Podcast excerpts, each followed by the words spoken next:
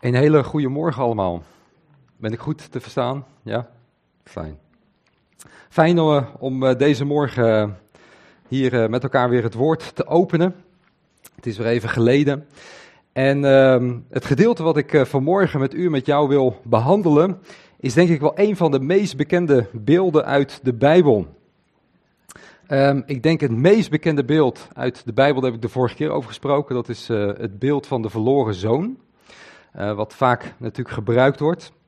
En uh, ik denk een van de beelden die al snel daarop volgt, dat is uh, het beeld van de barmhartige Samaritaan, wat we kunnen vinden in Lucas 10. En het is wel uh, leuk om te vertellen dat, ehm, ja, wat velen van jullie niet weten, is dat Peter Pieper en ik ehm, elkaar al een jaartje of elf kennen. We hebben samen gezeten op eh, de Evangelische Theologische Academie in, eh, in Zwijndrecht. En wij reden heel vaak samen op naar, eh, naar Zwijndrecht. En dan hadden we altijd hele gesprekken over de Bijbel. Het was voor mij de periode dat ik heel druk bezig was met Israël en de profetieën en het koninkrijk. Dat Peter af en toe wel zoiets had van, nou je bent er wel erg vol van hè. En Peter die deelde ook vanuit ja, wat hij vond in de Bijbel. En ehm, uh, dat waren altijd hele mooie momenten. Uh, als we daar naartoe gingen en als we weer teruggingen, dan uh, ja, waren dat altijd hele mooie gesprekken. En ja, we scherpten elkaar aan. En op een dag toen zei Peter tegen mij in de auto, hij zegt, Chris, ehm, de Heer Jezus is de barmhartige Samaritaan. En ik zal u heel eerlijk zeggen dat toen ik dat voor de eerste keer hoorde, dat ik dacht, nou, Kun je dat nou wel zo zeggen? Kun je de Heer Jezus nou vergelijken met een Samaritaan? En om heel eerlijk te zijn, Peter, schrok ik heel erg van die opmerking dat ik dacht, nou, hoe kun je dat nou zeggen, joh? Maar ja, goed, dan ga je met de, Bijbel aan de slag en dan kom je tot hele nieuwe ontdekkingen. En um, vanmorgen dan zullen we met elkaar dat uh, gedeelte behandelen. En ik kan, u kan jou alvast uh, op voorhand zeggen dat het heel belangrijk is om de Bijbel er goed bij te houden. Dus altijd als je de Bijbel bestudeert. Maar helemaal met zo'n gedeelte als dit is het heel belangrijk om heel goed te lezen. En dat zullen we vanmorgen ook met elkaar gaan ontdekken. Ik stel voor dat we eerst met elkaar dat Bijbelgedeelte gaan lezen. Dat is Lucas 10 vanaf vers 25. Lucas 10 vanaf vers 25. En ik lees vanuit de herziene statenvertaling. En daar staat, en zie, een wetgeleerde stond op om hem te verzoeken. En zei, meester, wat moet ik doen om het eeuwige leven te beërven? En hij zei tegen hem, wat staat er in de wet geschreven? Wat leest u daar? Hij antwoordde en zei, u zult de Heere uw God liefhebben met heel uw hart, met heel uw ziel, met heel uw kracht en met heel uw verstand en uw naasten als uzelf. Hij zei tegen hem, u hebt juist geantwoord, doe dat en u zult leven. Maar hij wilde zichzelf rechtvaardigen en zei tegen Jezus, wie is mijn naaste? Jezus antwoordde en zei, een man ging van Jeruzalem naar Jericho en viel in handen van de rovers, die hem de kleren uittrokken, hem daarbij slagen toedienden en hem bij hun vertrek half dood lieten liggen. Toevallig kwam er een priester langs diezelfde weg, en toen hij hem zag, ging hij aan de overkant voorbij. Evenzo ging ook een leviet toen hij op die plek kwam en hem zag aan de overkant voorbij. Maar een Samaritaan die op reis was, kwam in zijn buurt. En toen hij hem zag, was hij met innerlijke ontferming bewogen. En hij ging naar hem toe, verbond zijn wonden en goot er olie en wijn op. Hij tilde hem op zijn eigen rijdier, bracht hem naar een herberg en verzorgde hem. En toen hij de volgende dag wegging, haalde hij twee penningen tevoorschijn. Hij gaf ze aan de waard en zei tegen hem: Zorg voor hem, en wat u verder aan kosten maakt, zal ik u geven als ik terugkom. Wie van deze drie denkt u dat de naaste geweest is van hem die in handen van de rovers gevallen was? En hij zei: Degene die hem barmhartigheid bewezen heeft. Jezus zei tegen hem: Ga heen en doet u evenzo. Ja, er zijn in de loop van de tijd zijn er al heel wat organisaties opgericht die uh, naar aanleiding van deze geschiedenis een oproep doen om maar zoveel mogelijk barmhartigheid te bewijzen naar je medemens door het verrichten van goede daden. En begrijp me vanmorgen nou niet verkeerd, want heel veel van deze organisaties die doen echt fantastisch werk. We zullen vanmorgen alleen een stuk dieper op deze geschiedenis ingaan. We zullen kijken um, ja, wat de heer Jezus hier nou bedoelt te zeggen. Probeert hij namelijk zijn lezer duidelijk te maken dat wij de barmhartige Samaritaan zijn. Dat wij zoveel mogelijk goede daden moeten verrichten. Is dat nou de strekking van dit verhaal? Als dat namelijk zo is, dan had deze wetgeleerde ja, misschien nog wel kunnen zeggen dat hij het niet zo slecht deed. En dat hij ja, door het doen van goede werken het eeuwige leven kon beërven. Want we zullen vanmorgen met elkaar zien dat uh, eigenlijk deze hele geschiedenis is opgebouwd op die ene vraag. Meester, wat moet ik doen om het eeuwige leven te beërven? Ik wil vanmorgen met jullie eigenlijk drie dingen doen. In de eerste plaats zullen we gaan kijken van wat is nou, ja, wat wil de Heer Jezus nou in de eerste plaats overbrengen met deze geschiedenis, met deze gelijkenis. Het tweede wat we zullen ontdekken is dat dit beeld ook heel veel vertelt over Israël. Deze wetgeleerde was een Israëliet, hij was een Jood. Deze geschiedenis vertelt heel veel over Gods handelen met zijn volk Israël. Het is heel belangrijk om die Joodse context te gaan ontdekken in dit gedeelte. En het derde wat we zullen doen is natuurlijk ook tussendoor lessen trekken naar ons persoonlijk geestelijk leven. Wat heeft het ons nou vandaag te zeggen, deze bijzondere geschiedenis? Wat kunnen we er nou van leren? Nou, het eerste als je deze geschiedenis doorleest, dan valt het op dat um, ja, deze wetgeleerde opstaat om de Jezus te verzoeken. Je zou daar een dikke streep onder kunnen zetten. Hij wilde de Jezus verzoeken. Dat was zijn intentie. En dat doet hij, zo zagen we in vers 25, door het stellen van een vraag. Meester, wat moet ik doen om het eeuwige leven te beërven? En wat ik zo mooi vind is dat de Heer Jezus eigenlijk meteen ja, zijn intentie doorziet. Hij doorziet eigenlijk meteen van ja, dat zijn vraag niet oprecht was. Het was geen oprechte vraag. Het was een verzoeking. En wat de Heer Jezus doet is een wedervraag stellen. Nou, als je onder het Joodse volk werkt, dan is een van de dingen die je als eerste moet leren, is dat Joodse mensen vaak al heel snel een wedervraag stellen. Het is ook heel belangrijk als je gaat evangeliseren, dat je niet op elke grote vraag antwoord geeft, maar dat je leert om wedervragen te stellen, om de ander tot nadenken te zetten. En dat is wat de Heer Jezus eigenlijk in deze geschiedenis ook doet. Vers 26, hij zei tegen hem, wat staat er in de wet geschreven? Wat leest u daar? Wat staat er dan? Ik bedoel, je bent een wetgeleerde. Wat staat er dan in de wet? En dan lezen we vers 27, hij antwoordde en zei, u zult de Heere uw God liefhebben met heel uw hart, met heel uw ziel, met heel uw kracht en met heel uw verstand en uw naasten als uzelf. Dus deze wetgeleerde die gaf antwoord door de wet te citeren. En als je goed oplet, dan gaat het hier op dit punt eigenlijk al helemaal mis. Je kent vast wel dat gezegde van, of dat spreekwoord van wie een kuil graaft voor een ander, die valt er zelf in. Nou, dat is eigenlijk hier wel van toepassing. Want de meeste van ons, die zullen uit dat antwoord van deze wetgeleerde het Shma Israël herkennen. We lezen dat in Deuteronomium 6, waar staat, luister Israël, de Heere onze God, de Heere is één. Daarom zult u de Heere uw God lief hebben met heel uw hart, met heel uw ziel en met heel uw kracht. En inderdaad, als je oplet, dan zie je inderdaad dat deze wetgeleerde Deuteronomium 6 citeert. Alleen, als je doorleest, dan zegt hij in Lucas 10, vers 26, voegt hij daar nog wat aan toe. Daar zegt hij namelijk, en uw naaste als uzelf. En deze woorden, die vind je niet in Deuteronomium 6. Dus wat deze wetgeleerde eigenlijk doet, is een combinatie van twee teksten citeren. Hij citeert Deuteronomium 6, maar daarna citeert hij nog een ander schriftgedeelte. En dat gedeelte dat vinden we in Leviticus 19. En het is goed om dat eens met elkaar op te zoeken, Leviticus 19. Wat citeert hij nog meer? Dat is een hele belangrijke vraag.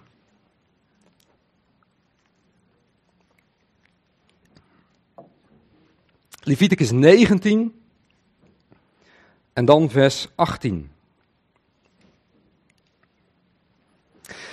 En daar lezen we Leviticus 19, vers 18.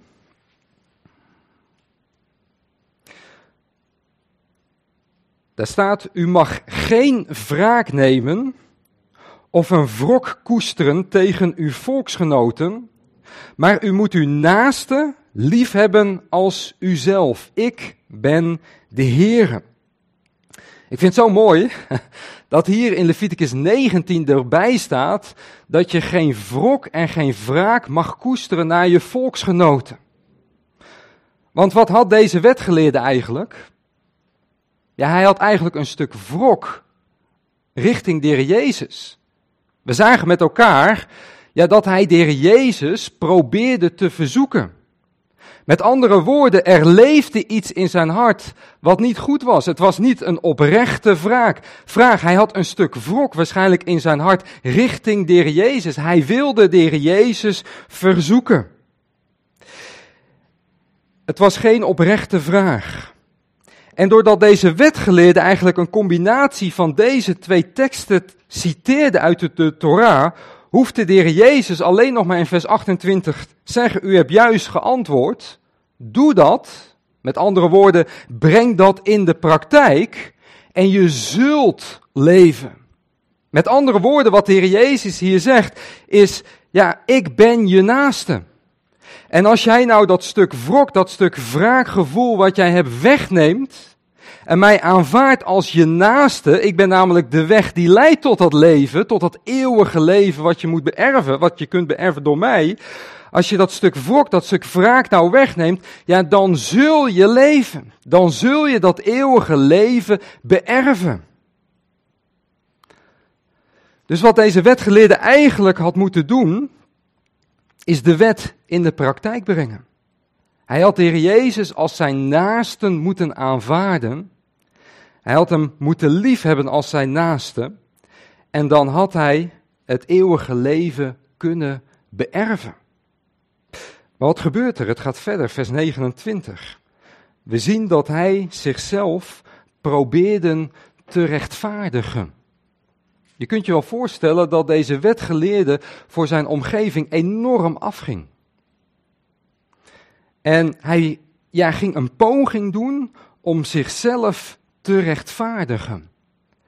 En nu maken we even een zijstapje, want herken je dat van tijd tot tijd ook in je eigen leven? Ik in ieder geval wel. Er gebeurt iets, je reageert eigenlijk niet handig richting die ander. Je weet wel dat je fout zit, maar je hebt eigenlijk ook verkeerd ja, gehandeld.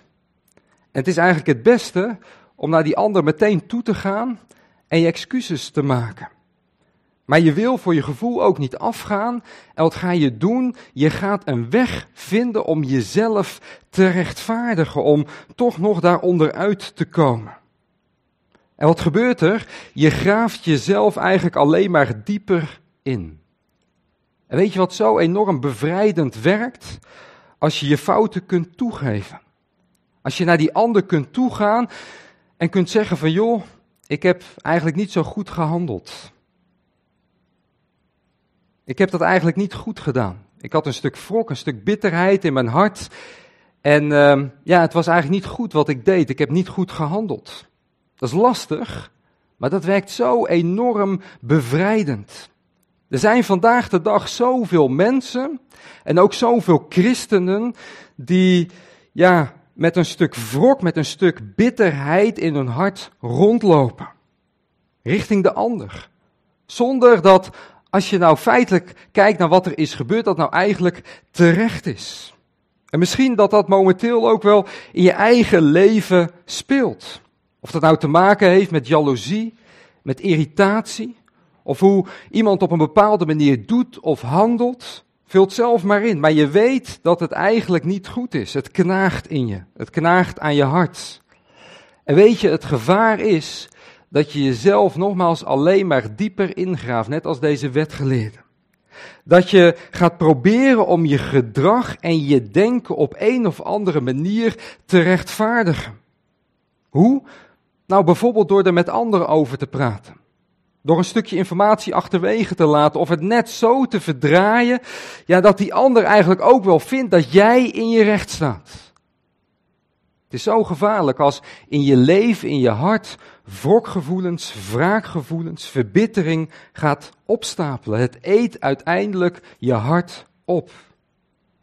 Lieve vrienden, als je in deze valkuil bent gevallen, of je gaat daar in de toekomst nog invallen, ja, dan is het zo geweldig dat je de Jezus Christus mag kennen. Allereerst dat je mag weten dat je in Hem rechtvaardig verklaard bent. Dat het goed zit tussen jou en God. En dat het natuurlijk goed is om je fouten te erkennen, je fouten te beleiden. En dan is het zo geweldig, dat is het tweede, dat je ja, dat mag doen ook vanuit Zijn kracht en vanuit Zijn liefde. Als je de Jezus Christus kent, dan mag je vanuit zijn liefde, vanuit zijn genade, vanuit zijn kracht ook naar de ander toe gaan. En dan mag je ook je fouten toegeven en zeggen van joh, ik heb dat niet goed gedaan. Schoon schip maken in je leven als je in deze valkuil bent gevallen. Zo enorm belangrijk. We gaan terug naar Lucas 10. Want deze wetgeleerde, die wilde ook proberen om zichzelf te rechtvaardigen. Hij moest voor zijn gevoel zichzelf verdedigen. Hij mocht de discussie niet verliezen. En dat doet hij door opnieuw een vraag te stellen. Vers 29, dan zegt hij tegen de Heer Jezus, wie is mijn naaste? En dan komt de Heer Jezus eigenlijk met een geschiedenis waarin hij nog een keer duidelijk maakt wie zijn naaste is. En dan lezen we in vers 30 het volgende. Een man ging van Jeruzalem naar Jericho en viel in de handen van de rovers, die hem de kleren uittrokken, hem daarbij slagen toedienden en hem bij hun vertrek half dood lieten liggen. Wat je nu even moet doen, is dat die man in deze geschiedenis, die van Jeruzalem naar Jericho gaat, deze wetgeleerde is. Het is belangrijk om dat in gedachten te houden. Ik kom daar zo meteen op terug. Maar deze wetgeleerde is eigenlijk deze man die van Jeruzalem naar Jericho ging. En nogmaals, wat opvalt als je deze geschiedenis leest, is dat deze man van Jeruzalem naar Jericho gaat. Als je dat op een kaart gaat bekijken, dan zie je eigenlijk dat Jeruzalem in het midden ligt hè, van Israël en dat Jericho daar rechts naast ligt. Wat ook opvalt, is dat Jeruzalem op een berg ligt. En Jericho, dat ligt in een dal. Dus deze man die ging van een berg eigenlijk naar een dal toe. Als je in de Bijbel gaat kijken, dan valt ook op dat Jeruzalem de plek is waar God zijn naam heeft gevestigd. Het is de plek waar de tempel stond. Het is de plek waar de Heer Jezus is gestorven, waar hij is opgestaan. Het is de plek waar de Heere woont, waar hij in de tempel met zijn Shechina heerlijkheid introk. Daarentegen is Jericho in de Bijbel staat bekend als de vervloekte stad. We kennen allemaal wel die geschiedenis hè, uit Jozua 6. Die stad hè, die verwoest werd en die niet meer opgebouwd mocht worden. Jozua 6. Dus deze man, die ging van Gods ja, uh, heilige plaats, vanuit Jeruzalem, ging hij op weg naar die vervloekte stad. Hij daalde daarbij ook nog eens een keer af. Hij ging naar beneden. Hij keerde als het ware God de rug toe en hij ging naar deze vervloekte stad. En we zien vervolgens ook in deze geschiedenis dat het niet zo goed gaat met deze man. Want wat gebeurt er? Nou ja, hij wordt overvallen door rovers, die hem de kleren uittrekken, die hem slagen toedienen en die hem vervolgens voor half dood aan de kant van de weg laten liggen. Ik vind het altijd wel heel bijzonder, dat woord half dood. Ik weet niet, heeft u dat ook of niet? Maar dan denk ik, welke helft was dood?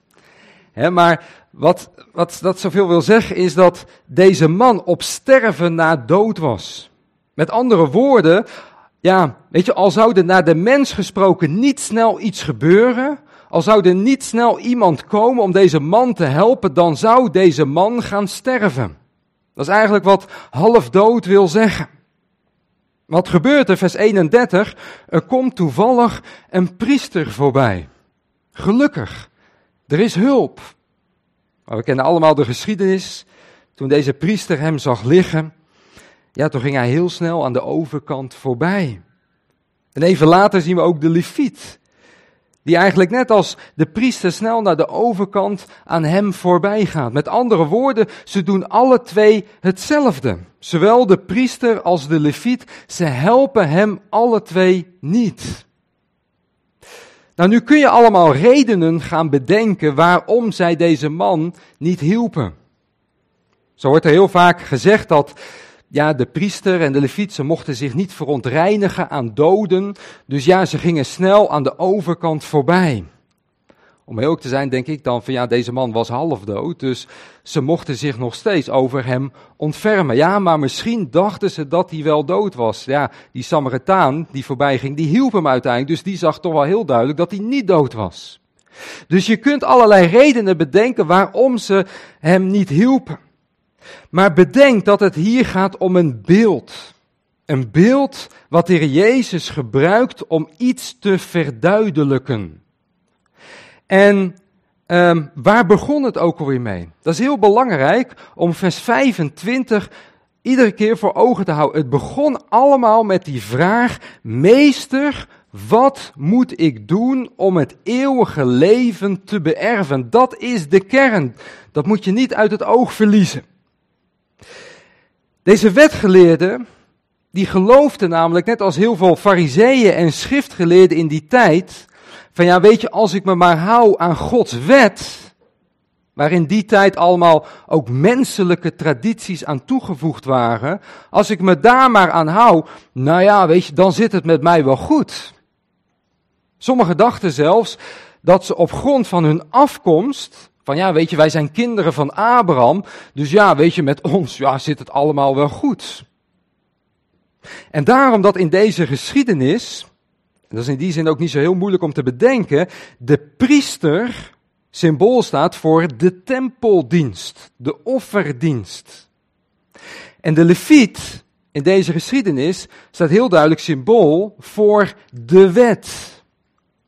En waar het hier om gaat in deze geschiedenis, is eigenlijk dat deze wetgeleerde deze man is uit dit verhaal die daar voor half dood aan de kant van de weg lag. Hij was van God afgeweken, hadden we gezien. Hij was geestelijk gezien eigenlijk in een half dode staat terechtgekomen. En er was niemand die deze wetgeleerde en ook het volk Israël meer kon helpen. Want bedenk dat ook Israël als volk in die tijd van God was afgeweken. Ze waren de afgoden achterna gegaan. Ze waren vreemde goden achterna. Ze, hielden zich niet meer aan Gods geboden en inzettingen. Ze waren van God afgeweken, net als deze wetgeleerden. En ze waren als volk eigenlijk ook in een halfdode positie terechtgekomen. Geestelijk gezien kon niemand deze wetgeleerden en ook het volk Israël meer helpen. De wet oftewel de leviet, de offerdienst, oftewel de priester, kon deze wetgeleerde niet helpen om hem vanuit die halfdode positie in het leven te brengen. Oftewel om dat eeuwige leven te beërven, waar het allemaal mee begon. Dat is de kern. En daarmee komen we bij de Samaritaan, die dat wel kon. Want er was in dit verhaal nog iemand op reis. Een Samaritaan.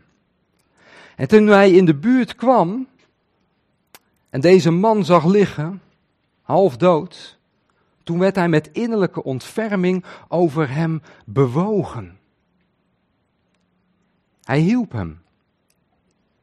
Weet je, als je het hebt over die beelden van dat iemand met innerlijke ontferming bewogen is, dan kom je in de Bijbel altijd uit bij de persoon van de Jezus. Toen de Jezus de grote scharen zag, Matthäus 9, toen was hij met innerlijke ontferming over hen bewogen, want ze hadden geen herder die voor hen zorgde. En zo zie je eigenlijk als je de evangelie doorleest, dat de Jezus degene is die iedere keer met innerlijke ontferming bewogen is over mensen, over het volk Israël. Hij is degene in dit verhaal, de Samaritaan, die deze man verbond met olie en wijn. En wijn, sorry, en wijn over zijn wonden goot. Hij is degene die deze man naar die herberg uh, bracht, waar hij veilig kon verblijven. Hij betaalde ook de prijs voor deze man, zodat hij daar veilig kon zijn. Zoals de Heer ook eigenlijk voor ons de prijs heeft betaald, zodat ook wij straks veilig in dat vaderhuis mogen verblijven. Kortom, de kernvraag in deze geschiedenis is: wie is mijn naaste, waardoor ik het eeuwige leven kan beërven? Antwoord, op grond van de Bijbel, er is maar één antwoord: de Jezus. Hij is de naaste en hij is de Samaritaan die deze man hielp. En de ironie in het voorbeeld is dat de Jezus juist het beeld gebruikt van de Samaritaan. Want we zagen net dat deze man, deze wetgeleerde, de Jezus probeerde te verzoeken. Met andere woorden, keek deze wetgeleerde positief tegen de Jezus aan? Zag hij hem als Messias? Nee, deze man wilde hem verzoeken. Hij keek niet positief aan tegen de Jezus. En zo waren er heel veel schriftgeleerden en fariseeën in die tijd die de Jezus zagen als een Samaritaan. We lezen dat ook in Johannes 8, vers 48, dat zij zeggen over de Heer Jezus dat hij een Samaritaan is en door een demon bezeten zou zijn. En de Heer Jezus gebruikt juist dat beeld van de Samaritaan om te laten zien van jongens, ik ben het. We hebben met elkaar gezien dat de man die aan de kant van de weg ligt, een beeld is van deze wetgeleerde. Maar wat ik net ook al zei, is dat het tegelijkertijd eigenlijk ook een beeld was van Israël als volk in die tijd. Ook zij moesten als volk de Heer Jezus aanvaarden als de Messias. Geestelijk gezien lagen ook zij voor half dood aan de kant van de weg. Als we die lijnen nou eens doortrekken naar Israël vandaag, dan zien we eigenlijk dat een groot deel van het volk Israël weer is teruggekeerd naar het land Israël. Maar als je gaat kijken naar het orthodox Jodendom, dan zie je dat ze het eigenlijk nog altijd verwachten van de wet. Waar ook in deze dagen tal van menselijke ja, gedachten aan toegevoegd zijn. Rabbijnse geschriften. Herken je de leviet die ja, langskomt bij het volk Israël, maar in feite ja, het volk niet kan helpen? Herken je dat beeld? Als je vandaag de dag kijkt naar het Joodse volk, het orthodox Jodendom, dan zie je eigenlijk dat ze het nog steeds een hoop en verwachting is op de rabbijnse geschriften, op de wet, op de leviet die voorbij komt. Maar ja, ten diepste hen eigenlijk niet kan helpen naar dat eeuwige leven. Daarnaast zien we in Israël dat er ook een groeiende beweging is die verlangt naar de herbouw van de tempel. Als je kijkt naar het Tempelinstituut, wat in Jeruzalem is, dan hebben ze al die voorwerpen voor de derde tempel gemaakt. En als het even kan, dan willen ze die tempel in Israël gaan herbouwen.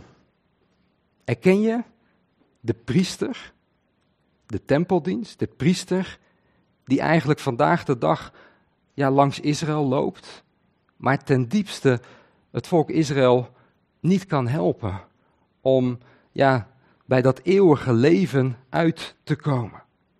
Hoe mooi en indrukwekkend die beelden bij de klaarmuur ook zijn. Hoe mooi en indrukwekkend ik het ook vind dat ja, al die voorwerpen voor de derde tempel worden gemaakt. Het helpt een Jood uiteindelijk niet verder om dat eeuwige leven te beërven. Paulus schrijft in Romeinen 10 dat het einddoel van de wet Christus is. Alleen door Hem kunnen we als Jood en niet-Jood dat eeuwige leven beërven. En daarom dat het zo belangrijk is om ja, ook vooral te blijven bidden als je bidt voor het Joodse volk, dat ze hun Messias leren kennen. Ik heb dat vaker gezegd hier, de grootste zegen die uit Israël is voortgekomen, is hun Messias. De grootste zegen die je Israël kunt toebidden, is hun Messias. Er is niks belangrijkers dan dat. Dat geldt nu nog voor het individu. Maar de Bijbel leert dat Israël als volk ook nog tot bekering gaat komen. En daarmee kom ik nog een keer terug op deze geschiedenis van de barmhartige Samaritaan. Daarmee kom ik nog een keer terug op dat beeld van die man die op weg was van Jericho naar Jeruzalem, overvallen wordt door rovers die hem daar voor half dood aan de kant van de weg laten liggen.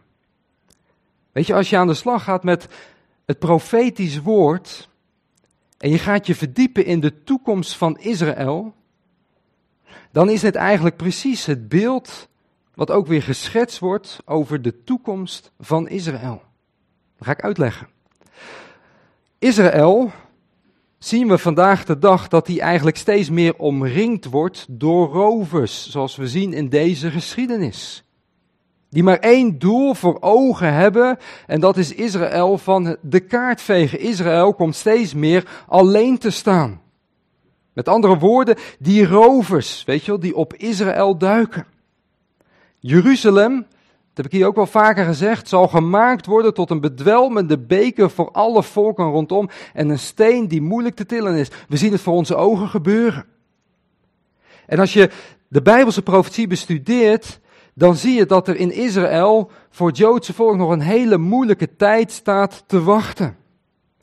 Als je daar verder in verdiept, dan zal er nog een hele ernstige tijd aanbreken, waarbij volk en land voor half dood aan de kant van de weg zullen komen te liggen. Net als ja, deze man uit deze geschiedenis, die daar voor half dood aan de kant van de weg lag. Met andere woorden, Israël in de eindtijd zal in zo'n hopeloze situatie terechtkomen dat als er naar de mens gesproken niet snel iets zou gaan gebeuren, dan zal het over en uit zijn. Die druk die zal steeds verder worden opgevoerd. Maar wat voor ons als mensen soms het einde lijkt, dat kan voor God juist een nieuw begin zijn. Dat is ook met de dood zo. Heel veel mensen in deze wereld, ja, de dood is de dood. Het is het einde. Maar de Bijbel leert dat de dood juist een nieuw begin is van het eeuwige leven met Hem. De dood is niet het einde, het is juist het begin van een nieuw leven met Hem. En dat is eigenlijk ook voor Israël zo in de eindtijd. Israël zal op een moment, op een positie komen daarbij alle hoop vervlogen zal zijn. Denk aan dat beeld van Ezekiel 37, dat dal van die dorre doodsbeenderen. En dan stelt de Heere God, die stelt aan Ezekiel de vraag, mensenkind, zullen deze beenderen tot leven komen? En weet je, Ezekiel die geeft een heel wijs antwoord. Hij zegt, Heere, u weet het. Met andere woorden, naar de mens gesproken, ja, is het over en uit. Maar u weet het. Maar die dal van dorre doodsbeenderen, we kennen die, he, Ezekiel 37, die kwamen tot leven. En dat is eigenlijk precies ook wat we bij Israël zien. We leven eigenlijk nu nog in een opmaat waarin ze steeds meer alleen komen te staan. Waarin ze nog in een half dode positie terecht zullen komen. Maar er zal een moment komen dat de Heere gaat ingrijpen. En waar hij Israël vanuit de dood in het leven zal brengen. Vanuit een half dode positie in het leven zal brengen. En dat zal zijn op het moment dat ze zijn naam zullen aanroepen. En daarmee komen we eigenlijk bij die Samaritaan. Want als je vandaag de dag aan Joodse mensen vraagt, hoe denk jij over de Heer Jezus? Dan hebben ze een heel verwrongen beeld van hem. En dan denken ze, ja, dat is een soort van Samaritaan, daar moeten we ons ver van houden. Vooral niet, iemand, niet iemand van ons. Maar er zal een moment zijn En dat ze Hem zullen zien die zij doorstoken hebben. Dat ze Hem gaan herkennen als de Messias. Paulus die schrijft over dat moment. Wat zal hun aanneming anders zijn dan leven uit de doden? En dat is eigenlijk dat beeld wat je hier ook weer in ziet terugkomen. Zij zullen vanuit hun halfdode positie in het leven komen. We gaan afsluiten. We hebben met elkaar gezien in dit Bijbelgedeelte dat de Jezus de naasten is die deze wetgeleerde moest omarmen, moest accepteren als zijn naaste. Hij moest dat stuk wrokgevoel wat hij had wegnemen en hem aanvaarden. We hebben ook gezien dat de Heer Jezus de Samaritaan is. De Samaritaan in dit Bijbelgedeelte die dat leven gaf, die hem trok vanuit de dood en hem bracht in het leven, in die veilige herberg. De kern is dus niet, zoals heel vaak geleerd wordt, dat wij de barmhartige Samaritaan zijn en dat wij dus maar goed moeten doen voor anderen. Nee, wij zijn net als deze wetgeleerden, liggen wij van nature eigenlijk ook voor half dood aan de kant van de weg. Door zonde, de overtreding in ons leven. Wij zijn eigenlijk net als deze wetgeleerden, liggen wij daar voor half dood. En er is niemand die ons kan helpen. De priester kan ons niet helpen. De, uh, de leviet kan ons niet helpen. Er is niemand die ons kan helpen. Maar, schrijft Paulus in Efeze 2, God, die rijk is aan barmhartigheid, heeft ons door zijn grote liefde, waar hij mee ons heeft liefgehad, ook toen wij dood waren door overtredingen met Christus levend gemaakt. Oh, gelukkig. Ook voor ons is er redding, ook voor ons is er verlossing. Wij waren dood, schrijft Paulus, oftewel wij lagen voor half dood aan de kant van de weg, maar in Christus kunnen wij levend gemaakt worden. En dan zegt Paulus vervolgens in vers 8, want uit genade bent u zalig geworden, door het geloof. En dat niet uit u, nee, het is een gave, oftewel een geschenk van God. Het is niet uit werken, oftewel dat wij hè, eh, de Samaritaan zijn door maar zoveel mogelijk goede daden te verrichten. Nee, het is niet uit werken, opdat wij niet daaruit zouden roemen. We worden om niet gerechtvaardigd. En we kunnen om niet dat eeuwige leven beërven. Dat is niet op basis van onze werken, omdat wij zo goed zijn. Nee, dat is omdat God ons lief heeft gehad en zijn zoon heeft gegeven. Dit betekent niet dat naaste liefde voor een christen niet belangrijk is.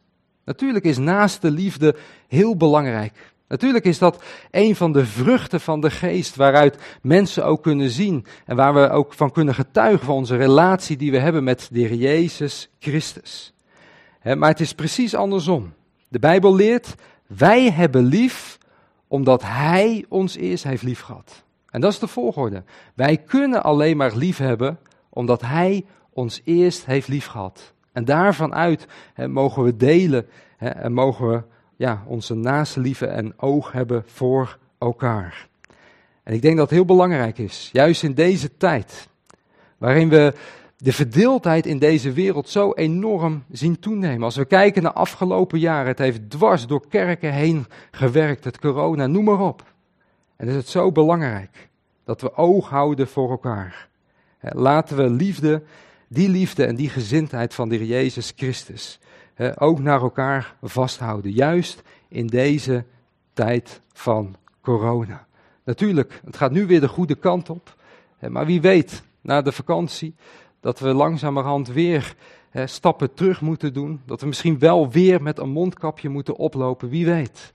Maar laten we die liefde en die gezindheid van de Heer Jezus Christus naar elkaar vasthouden. Zo enorm belangrijk in deze tijd.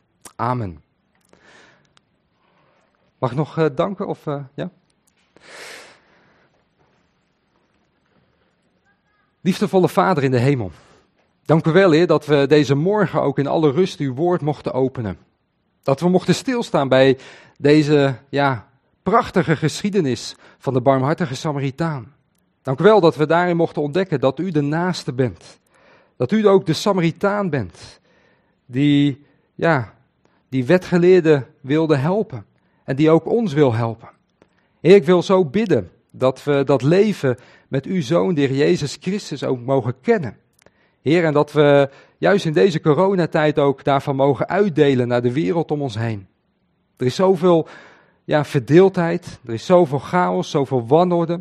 Er zijn zoveel mensen die u niet kennen, die, die rust en vrede, ja, die alle verstand te boven gaan. Heer, die dat niet kennen.